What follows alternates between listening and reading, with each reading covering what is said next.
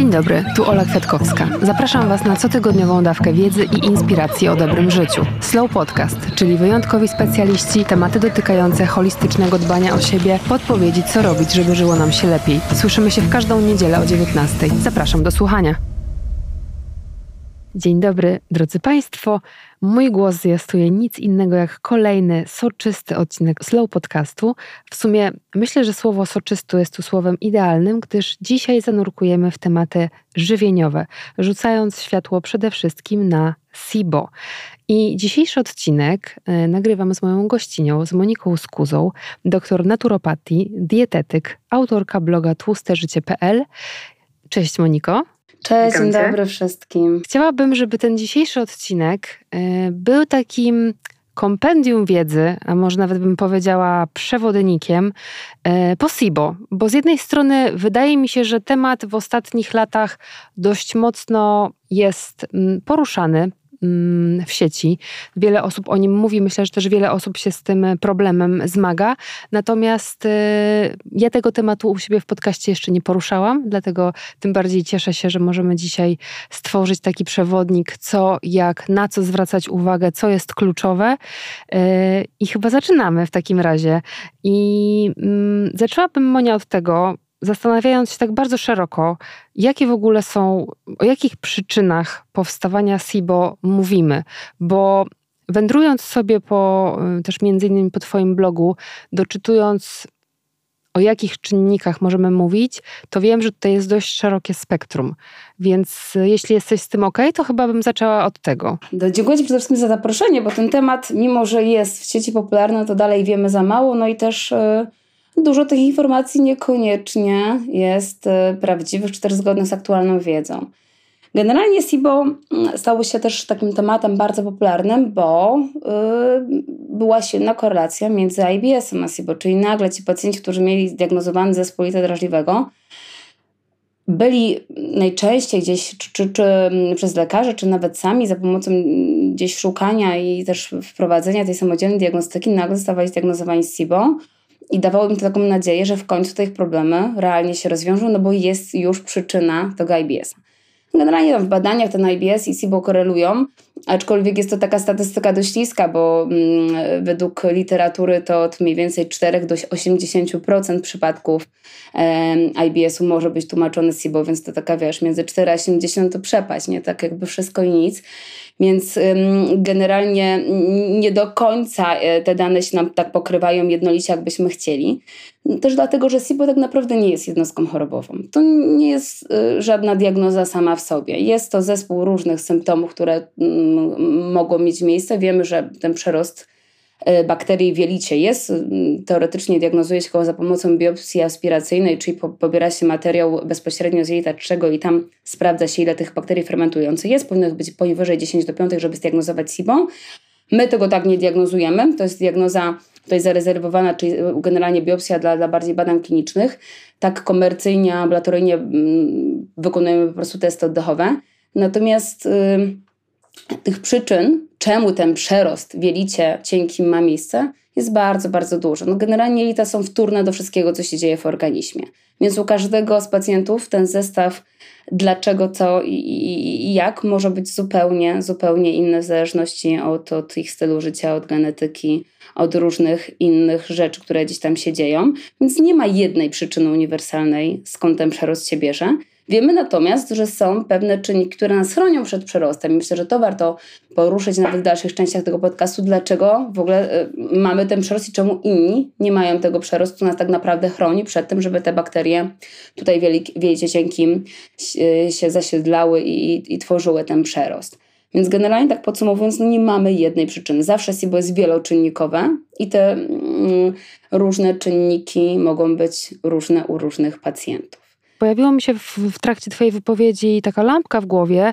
E, czy to nie jest też tak? Jakby ja w ogóle w dzisiejszej rozmowie przyjmuję pozycję totalnego laika, bo e, ja się z SIBO nie zmagam. W moim otoczeniu najbliższym mam jedną przyjaciółkę, która ją odkry, która odkryła SIBO jakiś czas temu, więc nie, niewiele wiem o tym temacie, ale wiem, że to jest temat właśnie dość popularny, więc chciałabym, żeby dzisiaj e, taki, taki przewodnik powstał. Natomiast to, co mi się zapaliło w głowie, to czy to nie jest tak, że my czasami nie leczymy SIBO, bo diagnozujemy SIBO, którego nie ma. Nie wiem, czy dobrze mnie zrozumiałaś, że jakby mamy podejrzenia SIBO, ale to tak finalnie nie jest SIBO, ale jednak przyjmujemy tę y, drogę leczenia pod SIBO. Tak, dlatego że y, same badania, czyli testy oddechowe są zawodne, mogą być fałszywie dodatnie, fałszywie ujemne. No i generalnie jakby najczęstszym objawem, które pacjenci zgłaszają przy SIBO jest po prostu wzdęcie, rozdęcie, y, dużo gazu, czyli taka sytuacja mocno fermentująca i tak naprawdę pacjent to, to, to czuje. Natomiast czy to jest z żołądka, czy z jelita cienkiego, czy z jelita grubego, on sam nie będzie w stanie powiedzieć. Ale SIBO też się stało popularne w gabinecie lekarskim, bo na początku to była taka bardzo alternatywna diagnoza. Czyli gdzieś tam te SIBO się do funkcjonalnej medycyny, do, do, mm, do powiedzmy dietetyki przemknęło, natomiast konwencjonalni lekarze byli bardzo, bardzo ostrożni, jeśli chodzi o te diagnozy. Natomiast przestali być ostrożni w momencie, kiedy wszedł na rynek Sifaxan, tak naprawdę wrócił na rynek, bo on zawsze był, tylko nie był wykorzystywany do niczego, no bo jest to antybiotyk mm, e, nie taki nieabsorbowalny, nie wchłania się systemowo, więc działa tylko w jelicie i nie było dla niego wcześniejszego jakiegoś fajnego zastosowania. Więc kiedy zaczęto tak naprawdę sterylizować jelito, i to był pierwszy lek od lat, dekad, który coś zmieniał tych pacjentów, bo wcześniej jak byłeś zdiagnozowany z jelitem drażliwym, to tak naprawdę słyszałeś, że to w twojej głowie, że jakby to jest psychosomatyczne, nie ma na to lekarstwa, dawali czasami leki rozkurczowe, yy, może IPP i na tym był koniec tak naprawdę leczenia. Teraz pojawił się Xifaxan, czyli antybiotyk, który na chwilę sterylizuje te jito, więc te objawy ustępują, no bo jak masz wysterylizowane jito, to siłą rzeczy nie ma przerostu przynajmniej przez chwilę i nie ma co tam fermentować, więc jak jesz jedzenie, to te bakterie nie fermentują, więc nie produkują gazu, to objawy się na chwilę wyciszają. No i tak naprawdę przez to te diagnozy były coraz chętniej stawiane, bo było od razu leczenie. My w ogóle lubimy mieć takie podejście bardzo etykietowe, czyli nazywać różne rzeczy i mieć na nie protokoły. I tak naprawdę czym to nazwiemy SIBO? Czyli to drażliwe, czy, czy tam e, biegunkowe, czy, czy, czy zaparciowe, tu nie ma znaczenia. Często to jest w ogóle ta sama przyczyna, ta sama jakby patofizjologia, tylko te Twoje objawy są zależne od tego, gdzie tam w spektrum tego procesu jesteś, jak bardzo progresywny jest ten proces i od innych czynników takich indywidualnych, to po prostu życia, genetyka i tak dalej. Ale ponieważ lubimy to nazywać, lubimy to diagnozować, mieć protokół, no to skupiamy się na objawie. I to jest największy problem w SIBO, że całe te leczenie SIBowe jest skupieniem się na tym wzdęciu. Ja tak jak sobie w ogóle, wiesz, kojarzę rozmowy z różnymi znajomymi, to bardzo często jak padało słowo właśnie, a mam wzdęcia, to pewnie SIBO. Natomiast te wzdęcie to jest wierzchołek góry lodowej, więc generalnie to samo wzdęcie jest dyskomfortem i problemem dla pacjenta i w pewnym momencie musi minąć, natomiast to, co powoduje te zdjęcie, jest dużo bardziej problematyczne, bo te konsekwencje tej przyczyny często są dużo, dużo gorsze i, i wielosystemowe i tak naprawdę progresywne. Więc na tym się powinniśmy skupić, skąd tak naprawdę te wzdęcie się bierze, a nie żeby usunąć samo wzdęcie, bo ono z definicji ustąpi jako ostatnie, jak cała ta fizjologia zostanie poprawiona. No dobra, a o jakich jeszcze symptomach sugerujących o tym, że to jest SIBO mówimy? Pomijając już te zdjęcia, o których już trochę było? Wiesz co, zdjęcia są faktycznie najbardziej y, odczuwalne, bo, bo już jest ta fermentacja, więc to myślę, że zdecydowanie. No, czasami są, są też zaburzenia w rytmie wypróżnień, biegunki, zaparcia. Mamy czasami też spowolnioną perystaltykę, bo też trzeba pamiętać, że ten przerost bakterii ma jakieś pierwotne przyczyny i pewne mechanizmy, które zawiodło, żeby chronić nas przed tym przyrostem bakterii, natomiast on też ma konsekwencje. I najgorszą konsekwencją jest to, że mm, bakterie, które tam są w jelicie cienkim, one przeważnie się zmieniają w gramujemne. Czyli tam jest najwięcej takiej dysbiozy z gramujemnych bakterii. One produkują lipopolisacharydy, czyli toksyny. I te toksyny bakteryjne, endotoksyny, jak się dostaną do krwiobiegu, są bardzo toksyczne i te konsekwencje są przeróżne po nawet takie rzeczy neurodegeneracyjne jak Alzheimer, Parkinson, fibromialgia też bardzo często. Już nie mówiąc o tym, że ogólnie toksyczność się zwiększa, potem wątroba to musi przefiltrować, więc może to być też dawać wtórne problemy z pracą wątroby i generalnie na endotoksyny są już bardziej odczuwalne, bo to już ogólnosystemowy problem. Myślę, że to jest y, wa ważna kwestia, żeby popatrzeć na to, że przyczyna jest, są jakieś przyczyny, jakiś zestaw przyczyn dysfunkcji, ale też Potem SIBO nieleczone daje nam kolejne gdzieś komplikacje, jeżeli chodzi o, o, o pracę organizmu, yy, o pracę yy, jelit i o wszystko, mhm. co, co z jelitami powiązane. Monia, tak się jeszcze zastanawiam, wrócę do tych zdęć, bo tak zaczęłyśmy o nich rozmawiać i faktycznie jakby to jest najbardziej gdzieś tam powszechny symptom, o którym mówimy w kontekście SIBO. I pomyślałam sobie teraz o takiej sytuacji, zakładając, że mówimy i kierujemy się do osób, które są na diecie wegańskiej, gdzie dużo się pojawia strączków, gdzie też y, normalną sprawą jest, że po takie, te, tego typu jedzeniu te wzdęcia się pojawiają i zastanawiam się, co mogłoby nam zasugerować, jakby gdzie jest tutaj ta różnica, która sugeruje, że słuchaj, to nie są już te wzdęcia postrączkowe, tylko to są wzdęcia sugerujące, że coś tam się zaczyna dziać i warto jest to sprawdzić. Czy my jesteśmy w ogóle w stanie jakoś w swoim zakresie to zaobserwować, że to jest coś innego niż tylko kwestia diety? No generalnie pytanie, czy to wzdęcia się pojawiają tylko po strączkach, czy po każdych innych węglowodanach, te, które mają średnie długie łańcuchy też. I myślę, że to łatwo zauważyć. Jeżeli jemy te strączki raz na jakiś czas te wzdęcia faktycznie mogą być, no bo inny typ bakterii zaczyna nam, mamy nowe źródło mm, prebiotyku, więc zaczynamy trawić, fermentować, to jest naturalne. Natomiast jak jemy je regularnie, to zakładam, że już nie powinno być. To jest jedna rzecz. Natomiast u pacjentów SIBowych te wzdęcia są cały czas. To one potrafią być nawet jak napijesz się rano szklankę wody. Wstajesz, pijesz szklankę wody, one już są, bo ta fermentacja w jelicie cienkim cały czas jest. Więc tak naprawdę yy, myślę, że każdy pacjent, który podejrzewał siebie SIBO, jest w stanie wychwycić ten moment, że już na, na pewno to jest to. Natomiast te wcześniejsze stany pewnie nie, dlatego że nawet jest kilka mechanizmów, myślę, że to warto poruszyć, które nas chronią przed SIBO. Pierwszy z nich to jest kwas solny. Jak nie masz odpowiedniego wydzielenia kwasu solnego, to nie masz pierwszej takiej sterylizującej obrony organizmu przed rozrostem drobnoustrojów. I to też jest częste przy dietach wegetariańskich, no bo siłą rzeczy nie ma protein zwierzęcych, więc ta produkcja kwasu solnego ma prawo być niższa. Następną rzecz, to też jest niestety często na dietach e, bezmięsnych, jest gorsza produkcja żółci. Ta żółć jest mocno sterylizującym mechanizmem organizmu. Normalnie wątroba produkuje żółć na, na stymulację z posiłku, na, jak wyczuwa proteiny i przede wszystkim tłuszcze. Ta żółć jest koncentrowana w pęcherzu żółciowym, jest wypuszczana potem z powrotem do dwunastnicy i y, ma iść dalej w dół jelita i ona sterylizuje sobie bardzo ładnie jelito, czyli powoduje, że mm, pewne bakterie przestają nam przerastać. Brak żółci w ogóle sprzyja też gram ujemnym przerostom, więc to też jest takie bardzo zaobserwowalne w SIBO. I na końcu jelita cienkiego, nim ta żółć zostanie wchłonięta, y, stymuluje się takiego, co się nazywa receptory, FXR. I te receptory też produkują E, no, śródówka jest stymulowana do produkcji takich substancji mm, przeciwdrobnoustrojowych po to, żeby jeszcze doczyścić te jelito, żeby ten, tego przerostu jednak nie było. Więc automatycznie, jak mamy mniej y, żółci, albo mniejszą też pulę kwasów żółciowych, bo to też jest ważne, że jak mamy dietę bezmięsną, to ta pula kwasów żółciowych się zmienia, to nie mamy drugiego mechanizmu, który pomaga nam tutaj chronić nas przed y, przerostem tych bakterii w jelicie cienkim. Większość tej żółci jest y, reabsorbowana w wielicie cienkim, wraca tam w ostatnim ciągu jelita cienkiego, wraca z powrotem do wątroby. 5% jest konwertowanych do, do wtórnych soli żółciowych przez też bakterie komensalne, które są w jelicie. I też te wtórne sole żółciowe chronią nas przed przerostem niektórych bakterii patogennych typu Clostridium w jelicie grubym.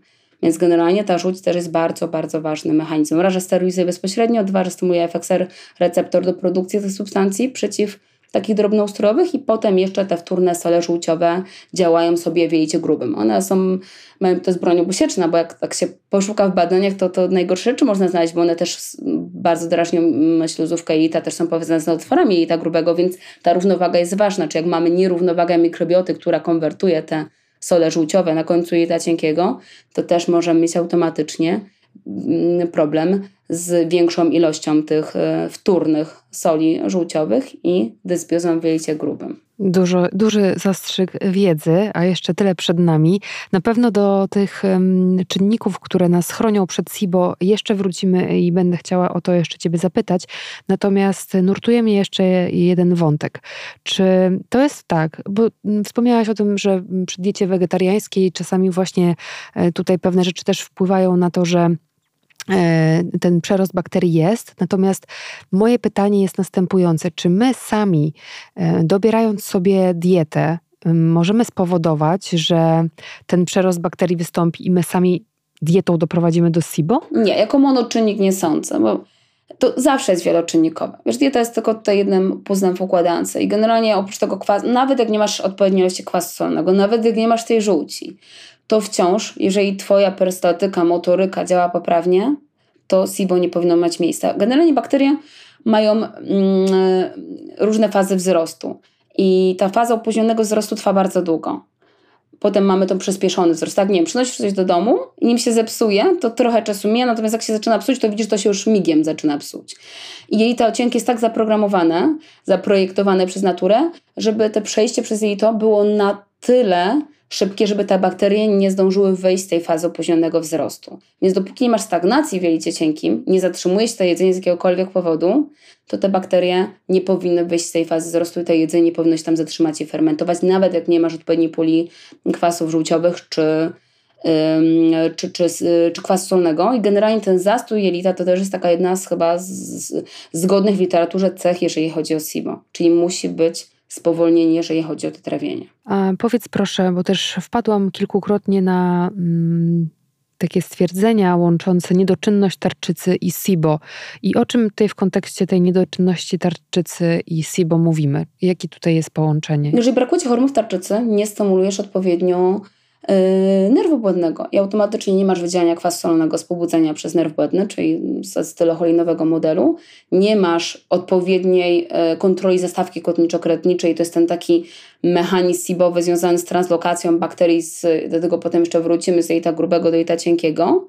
I nie masz odpowiedniego w ogóle stymulowania samego nerwu błędnego, czy przesuwania się tego jedzenia, bo te hormony działają też na Yy, na układ nerwowy. No dobrze, to otworzę, pozwolę sobie otworzyć w takim razie kolejny portal i tym portalem y, będzie dieta w SIBO. Bo załóżmy, że już jesteśmy jakby po tej sytuacji, że to SIBO zostało rozpoznane, że to jest to i y, no, ten tryb życia i dieta powinny się pewnie w dość dużym stopniu zmienić i na co warto wtedy zwrócić uwagę, jak już wiemy w 100%, że to jest to. No, przez wiele lat bardzo popularne były diety niskofedmopsowe, czyli takie diety niskofermentujące, które wyłączały te dłuższe i średnie łańcuchy węglowodanów po to, żeby tego przerostu tak kolokwialnie nie podkarmiać. Natomiast dzisiaj wiemy, że to nie o to chodzi.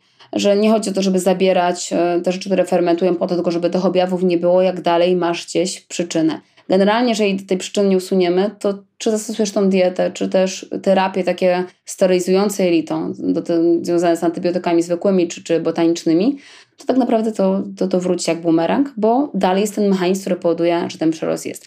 Więc generalnie zakładamy, że jak jemy przeciwnie zdrową dietę, czyli nie mamy tam substancji, które mm, są mm, prozapalne, albo które też yy, generują LPS, takie jak gluten, bo on tutaj akurat jest ważny, czyli jesz powiedzmy warzywa, mięso, y, owoce i masz po tym wzdęcia, cały czas czujesz tą fermentację, no to, to tak naprawdę nie powinno tak być. I nie do końca też chodzi o to, żeby eliminować te rzeczy wszystkie, które dają Ci objawy. W pewnym, w pewnym jakby stopniu ta eliminacja objawów jest potrzebna, żeby pacjent się poczuł lepiej, tak też fizycznie, dosłownie, czy nawet psychicznie. Natomiast ta eliminacja różnych fermentujących bakterii, y, produktów powoduje też zmniejszoną różnorodność bakterii, a ta zmniejszona różnorodność bakterii w dalszym stopniu powoduje nam komplikacje, jeżeli chodzi o, o te kwestie związane z mikrobiotą samą w sobie czyli gorzej trawimy, mamy gorszą tolerancję immunologiczną i tak dalej. Więc tego też nie do końca chcemy robić, chcemy, żeby ta populacja bakterii była jak największa. Więc generalnie tą dietę staramy się zrobić troszkę mniej fermentującą, włączając te główne produkty, takie prozapalne i, i dając najwięcej objawów. Natomiast ja już jej nie redukuję do diety niskofobnopsowej od dawna, bo to po prostu nie ma sensu, a może nam na dłuższą metę zmienić populację bakterii, jaką mamy w jelicie grubym i też odbić się naszym zdrowiu. Też co pacjenci robią, jak eliminują te węglowodany fermentujące, to przerzucają się na większą ilość białka i większą ilość tłuszczu. A generalnie tłuszcz lubi pogarszać LPS-y endotoksynami. I tych badań też jest bardzo dużo, jak diety wysokotłuszczowe zmieniają mikrobiotę niekorzystnie.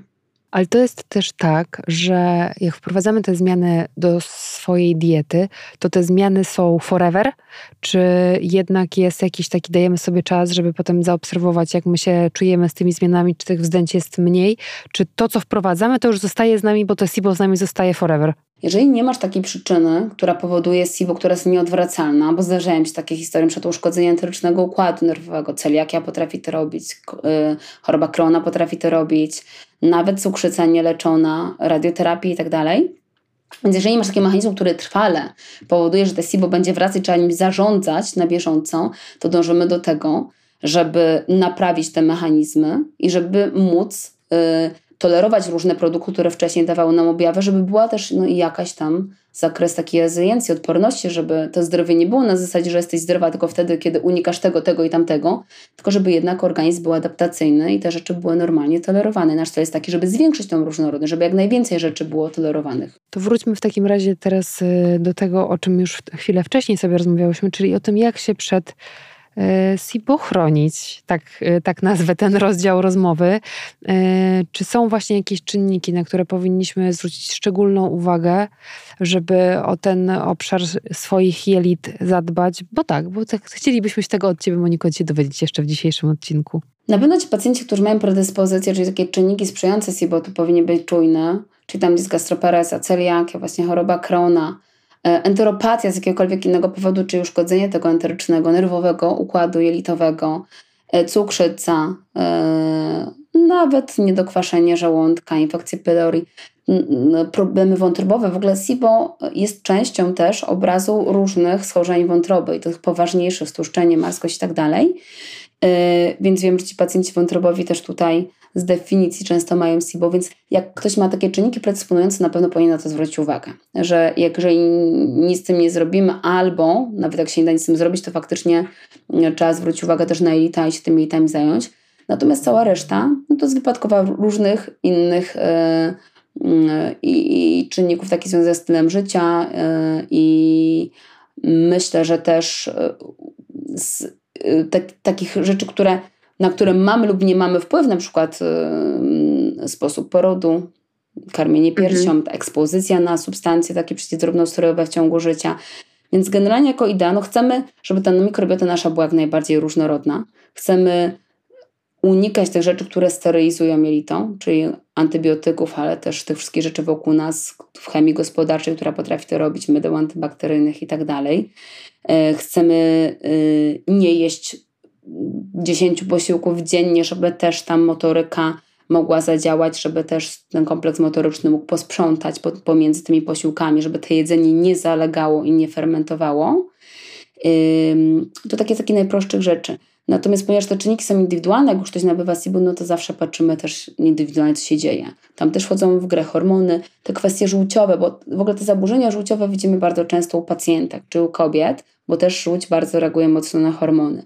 Więc często po ciążach widzimy te problemy y, po stosowaniu antykoncepcji hormonalnej. Więc to są takie czynniki sprzyjające, które mogą nam wpłynąć na to, że ta żółć nie będzie poprawnie albo wydzielana, albo będzie zalegająca, albo będzie gęstsza Y, i, i to też przyczyni się do tego, że te trawienie będzie zaburzone, ta mikrobiota będzie zaburzona, bo trzeba pamiętać o tym, że SIBO jest specyficzne dla jelita cienkiego, ale większość pacjentów, którzy mają zdjęcia, niekoniecznie faktycznie ma to wyjeździe cienkie, tylko pacjent tego nie odróżni. Więc generalnie ja bym tutaj odnosiła się bardziej do dysbiozy niż do samego SIBO jako lokalizacji, że musi to być wyjeździe cienkie, bo to jest po prostu właśnie takie nadawanie etykiet, a niekoniecznie o to chodzi. To jest też tak, że no tak jak wspomniałam na początku, w ostatnim czasie, w ostatnich latach dość dużo się o tym SIBO słyszy. Czy to wynika z tego, że coś się w naszym życiu, w środowisku zmieniło, czy po prostu my wcześniej nie rozpoznawaliśmy tego jako SIBO i to było, ale dopiero teraz do nas przyszło w takiej formie? Bo przyznam szczerze, że ja aż tak bardzo nie wchodziłam w ten temat, natomiast zastanawiam się, czy tutaj też kwestia czynników zewnętrznych, no tak jak wspomniałaś, no jakby też kwestie indywidualne, indywidualne, na które nie mamy wpływu.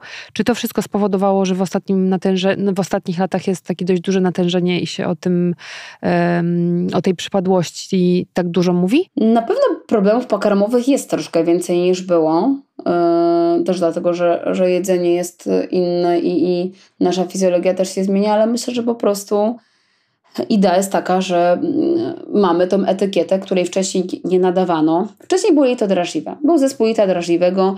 Ludzie też akceptowali, że jest to coś, co jest zależne od stresu i od psychiki i z tym trzeba się pogodzić tak żyć.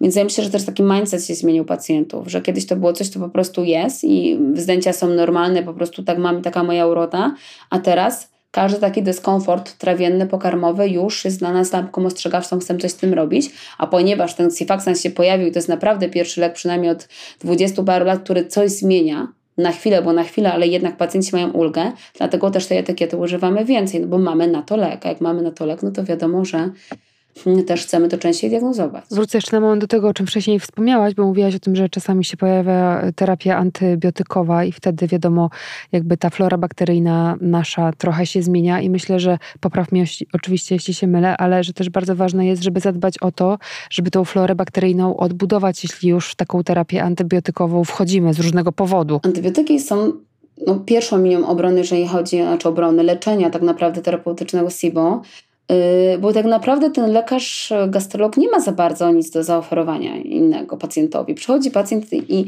no, u gastrologa masz arsenał y, aż, nie wiem, czterech leków, czyli może, może dostać IPP, inhibitory pompy protonowej, które blokują kwas może dostać antybiotyki, może dostać leki rozkurczowe i prokinetyki. Generalnie na tym się kończy historia.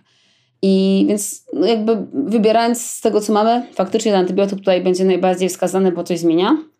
Natomiast no, leczenie antybiotykowe nic nie da, jeżeli nie uporamy się z przyczynami, które doprowadzają do tego przerostu, bo to raz, dwa wróci. No, bakterie mają tą piękną, wspaniałą właściwość, że jak, jak próbujesz wytłuc, to jak są, mają warunki sprzyjające, to wracają jak bumerang. No i nie ma antybiotyku, który wybije ci 100% bakterii. Dlatego na wszystkich mydłach antybakteryjnych masz 99,9%. I ym, co jest ważne, no, jak to potem uzupełnić? Nie mamy jakby 300 mhm. różnych gatunków bakterii, które możemy tam podać, żeby to uzupełnić, plus no większość tych bakterii to są w ogóle bakterie beztlenowe, więc jak je podać? Więc to nie do końca tak działa. Ta mikrobiota nie jest takim prostym liniowym mechanizmem, że wybijemy, zastąpimy. To są zmiany, które często są nieodwracalne i zmieniamy populację tych bakterii, odrasta to, co chce odrosnąć w przeroście, więc stworzymy jeszcze więcej dysbiozy. Stąd było dużo dyskusji, czy ten ksifaxan, który co prawda nie wchłania się ogólnoustrojowo, ale działa w jejcie cienkim, trochę jeszcze w jejcie grubym, czy przez to, że nie wybijamy więcej bakterii, to pierwsze nie dorastają grzyby, nie robi się przerost tak zwanego SIFO, czyli przerost grzybów w, w jelicie cienkim. Więc nie do końca jakby jestem za tym, za tym wybijaniem i też y, dlatego, że to robiliśmy wiele lat. Też to robiłam wiele lat u pacjentów i to nam się po prostu nie sprawdzało. Jako taka długoterminowa strategia, na pewno nie jako taka monostrategia pojedyncza. I e, tutaj na przykład botaniki też nie są super rozwiązaniem, bo one robią dokładnie to samo. Jak ktoś nie wie, jak zioła działają, to może mu się wydawać, że to jest lepsza alternatywa, no bo są mniej toksyczne faktycznie, na przykład dla wątroby. Natomiast wciąż one działają przeciwdrobnoustrojowo, no i nie działają selektywnie. Nie wyłapują tylko tych patogennych szczepów, tylko działają na wszystkie szczepy, które tam mamy. No właśnie, a jeżeli chodzi jeszcze o samą kwestię leczenia, to czy Myśląc o y, terapiach naturalnych, y, czy my możemy w ogóle tutaj w tym segmencie zadziałać na to, żeby to SIBO poprawić?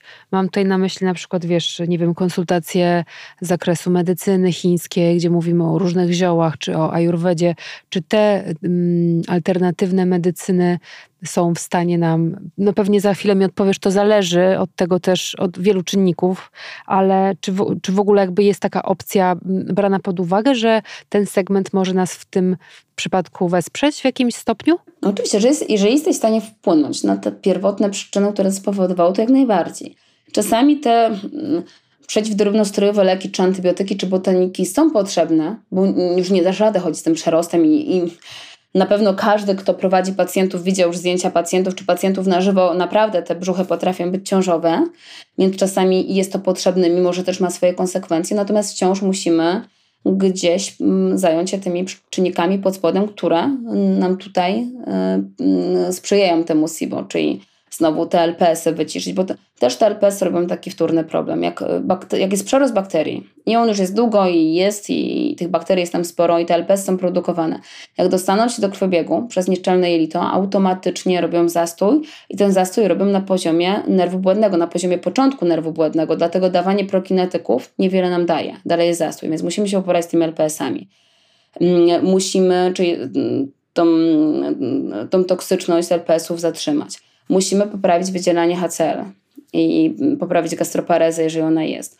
Wesprzeć wątrobę i to często u pacjentów naprawdę działa jak magia, zwłaszcza u tych, gdzie, u których ta żółć nie działa poprawnie. Musimy ogarnąć tą kwestię śluzówki, bo zawsze SIBO jest związany z tym, że stan zapalny śluzówki i to przekłada się potem ogólnosystemowo. No i też wesprzeć tą florę bakterii, które są w jelicie grubym, żeby dalej nie było tej patologii. Generalnie kiedyś w ogóle, bo tu ja mówię odnośnie SIBO, jakby cofnijmy się do początku, skąd się SIBO teoretycznie miało wziąć, jak to było na początku, jak, jak gdzieś zaczynaliśmy mówić więcej SIBO, to istniała taka teoria translokacji bakterii. Czyli bakterie w jejcie grubym, które tam sobie żyją, idą sobie do jejta cienkiego przez nie, jakby niedziałającą zastawkę kątniczo-krętniczą i tam robią rozrost. Tylko, że te bakterie w jejcie grubym to głównie gram dodatnie, gram ujemne są głównie w cienkim i jakby ta dysfunkcja zastawki kotniczo-krętniczej ma sens, ale bardziej jako wtórny mechanizm, czy jak już ten stan zapalny się zrobi, rozregulowuje nam to połączenie między jednym jejtem a drugim, to faktycznie ta stawka może nie działać, ale na pewno nie jest to pierwotna przyczyna SIBO, bo jest to tak rzadka rzecz w ogólnie, jeżeli chodzi o całość populacji i nie odpowiada temu, jak często SIBO występuje, bo SIBO jest bardzo powszechne, już tym bardziej odpowiada temu, jak często występuje i to drażliwe, zespół to drażliwego. Więc wiemy, że niekoniecznie ten mechanizm translokacji ma miejsce.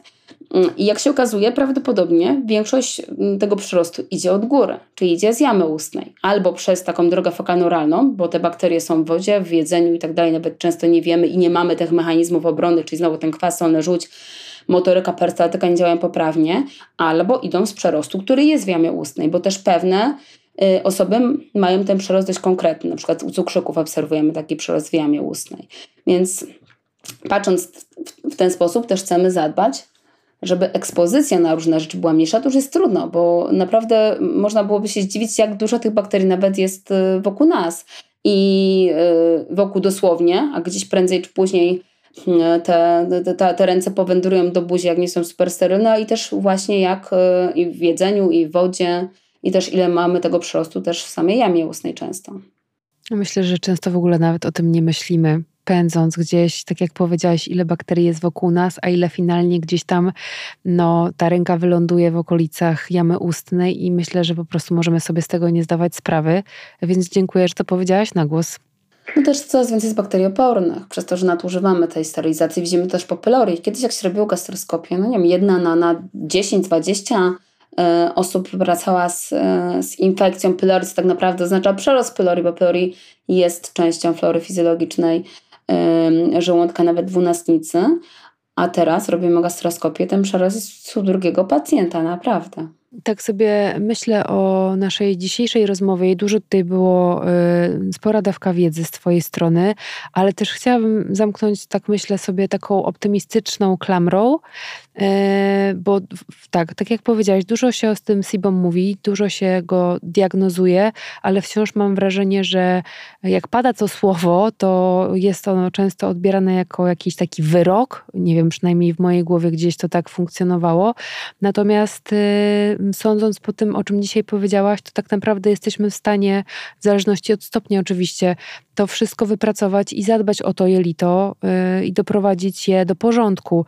Yy, I chyba bym chciała ta, takim optymistycznym yy, akcentem zamknąć, że dużo też zależy od nas tak naprawdę i ta kwestia też obserwacji to jest coś, na co ja w ogóle zwracam bardzo często uwagę, w ogóle w takiej świadomości życia i uważności. Dlatego tak dopytałam o te wzdęcia, czy wiesz, na którym etapie powinniśmy tutaj sobie, powinno nas to zaalarmować, że coś się dzieje i, i, i, nie bać się tego, bo jest to tak naprawdę wszystko do wyprowadzenia. Najczęściej tak. Nie, nie chcę powiedzieć, że zawsze, no bo wiadomo, że są wyjątki, i nieraz um, te czynniki doprowadzające do SIBO są trwałe. Nie zawsze problemy pokarmowe są do wyleczenia, niestety, natomiast w większości pacjentów zdecydowanie tak. I też nie traktować tego SIBO jako etykiety, bo to generalnie jako diagnoza w ogóle nie ma sensu. Pytasz pacjenta, po czym ma wzdęcie i mówi, że mm, no i na przykład jabłko po jabłku ma wzdęcie. I pytamy, ale po jakim czasie od tego jabłka jest, jabłka jest zdjęcie? I pacjent mówi, że no po 10 minutach. No i nie ma to sensu. To jabłko jest w żołądku, nie ma, jeszcze, nie ma w ogóle opcji, żeby ono przeszło do jelita cienkiego i zdążyło tam sfermentować, bo ten proces zajmuje godziny.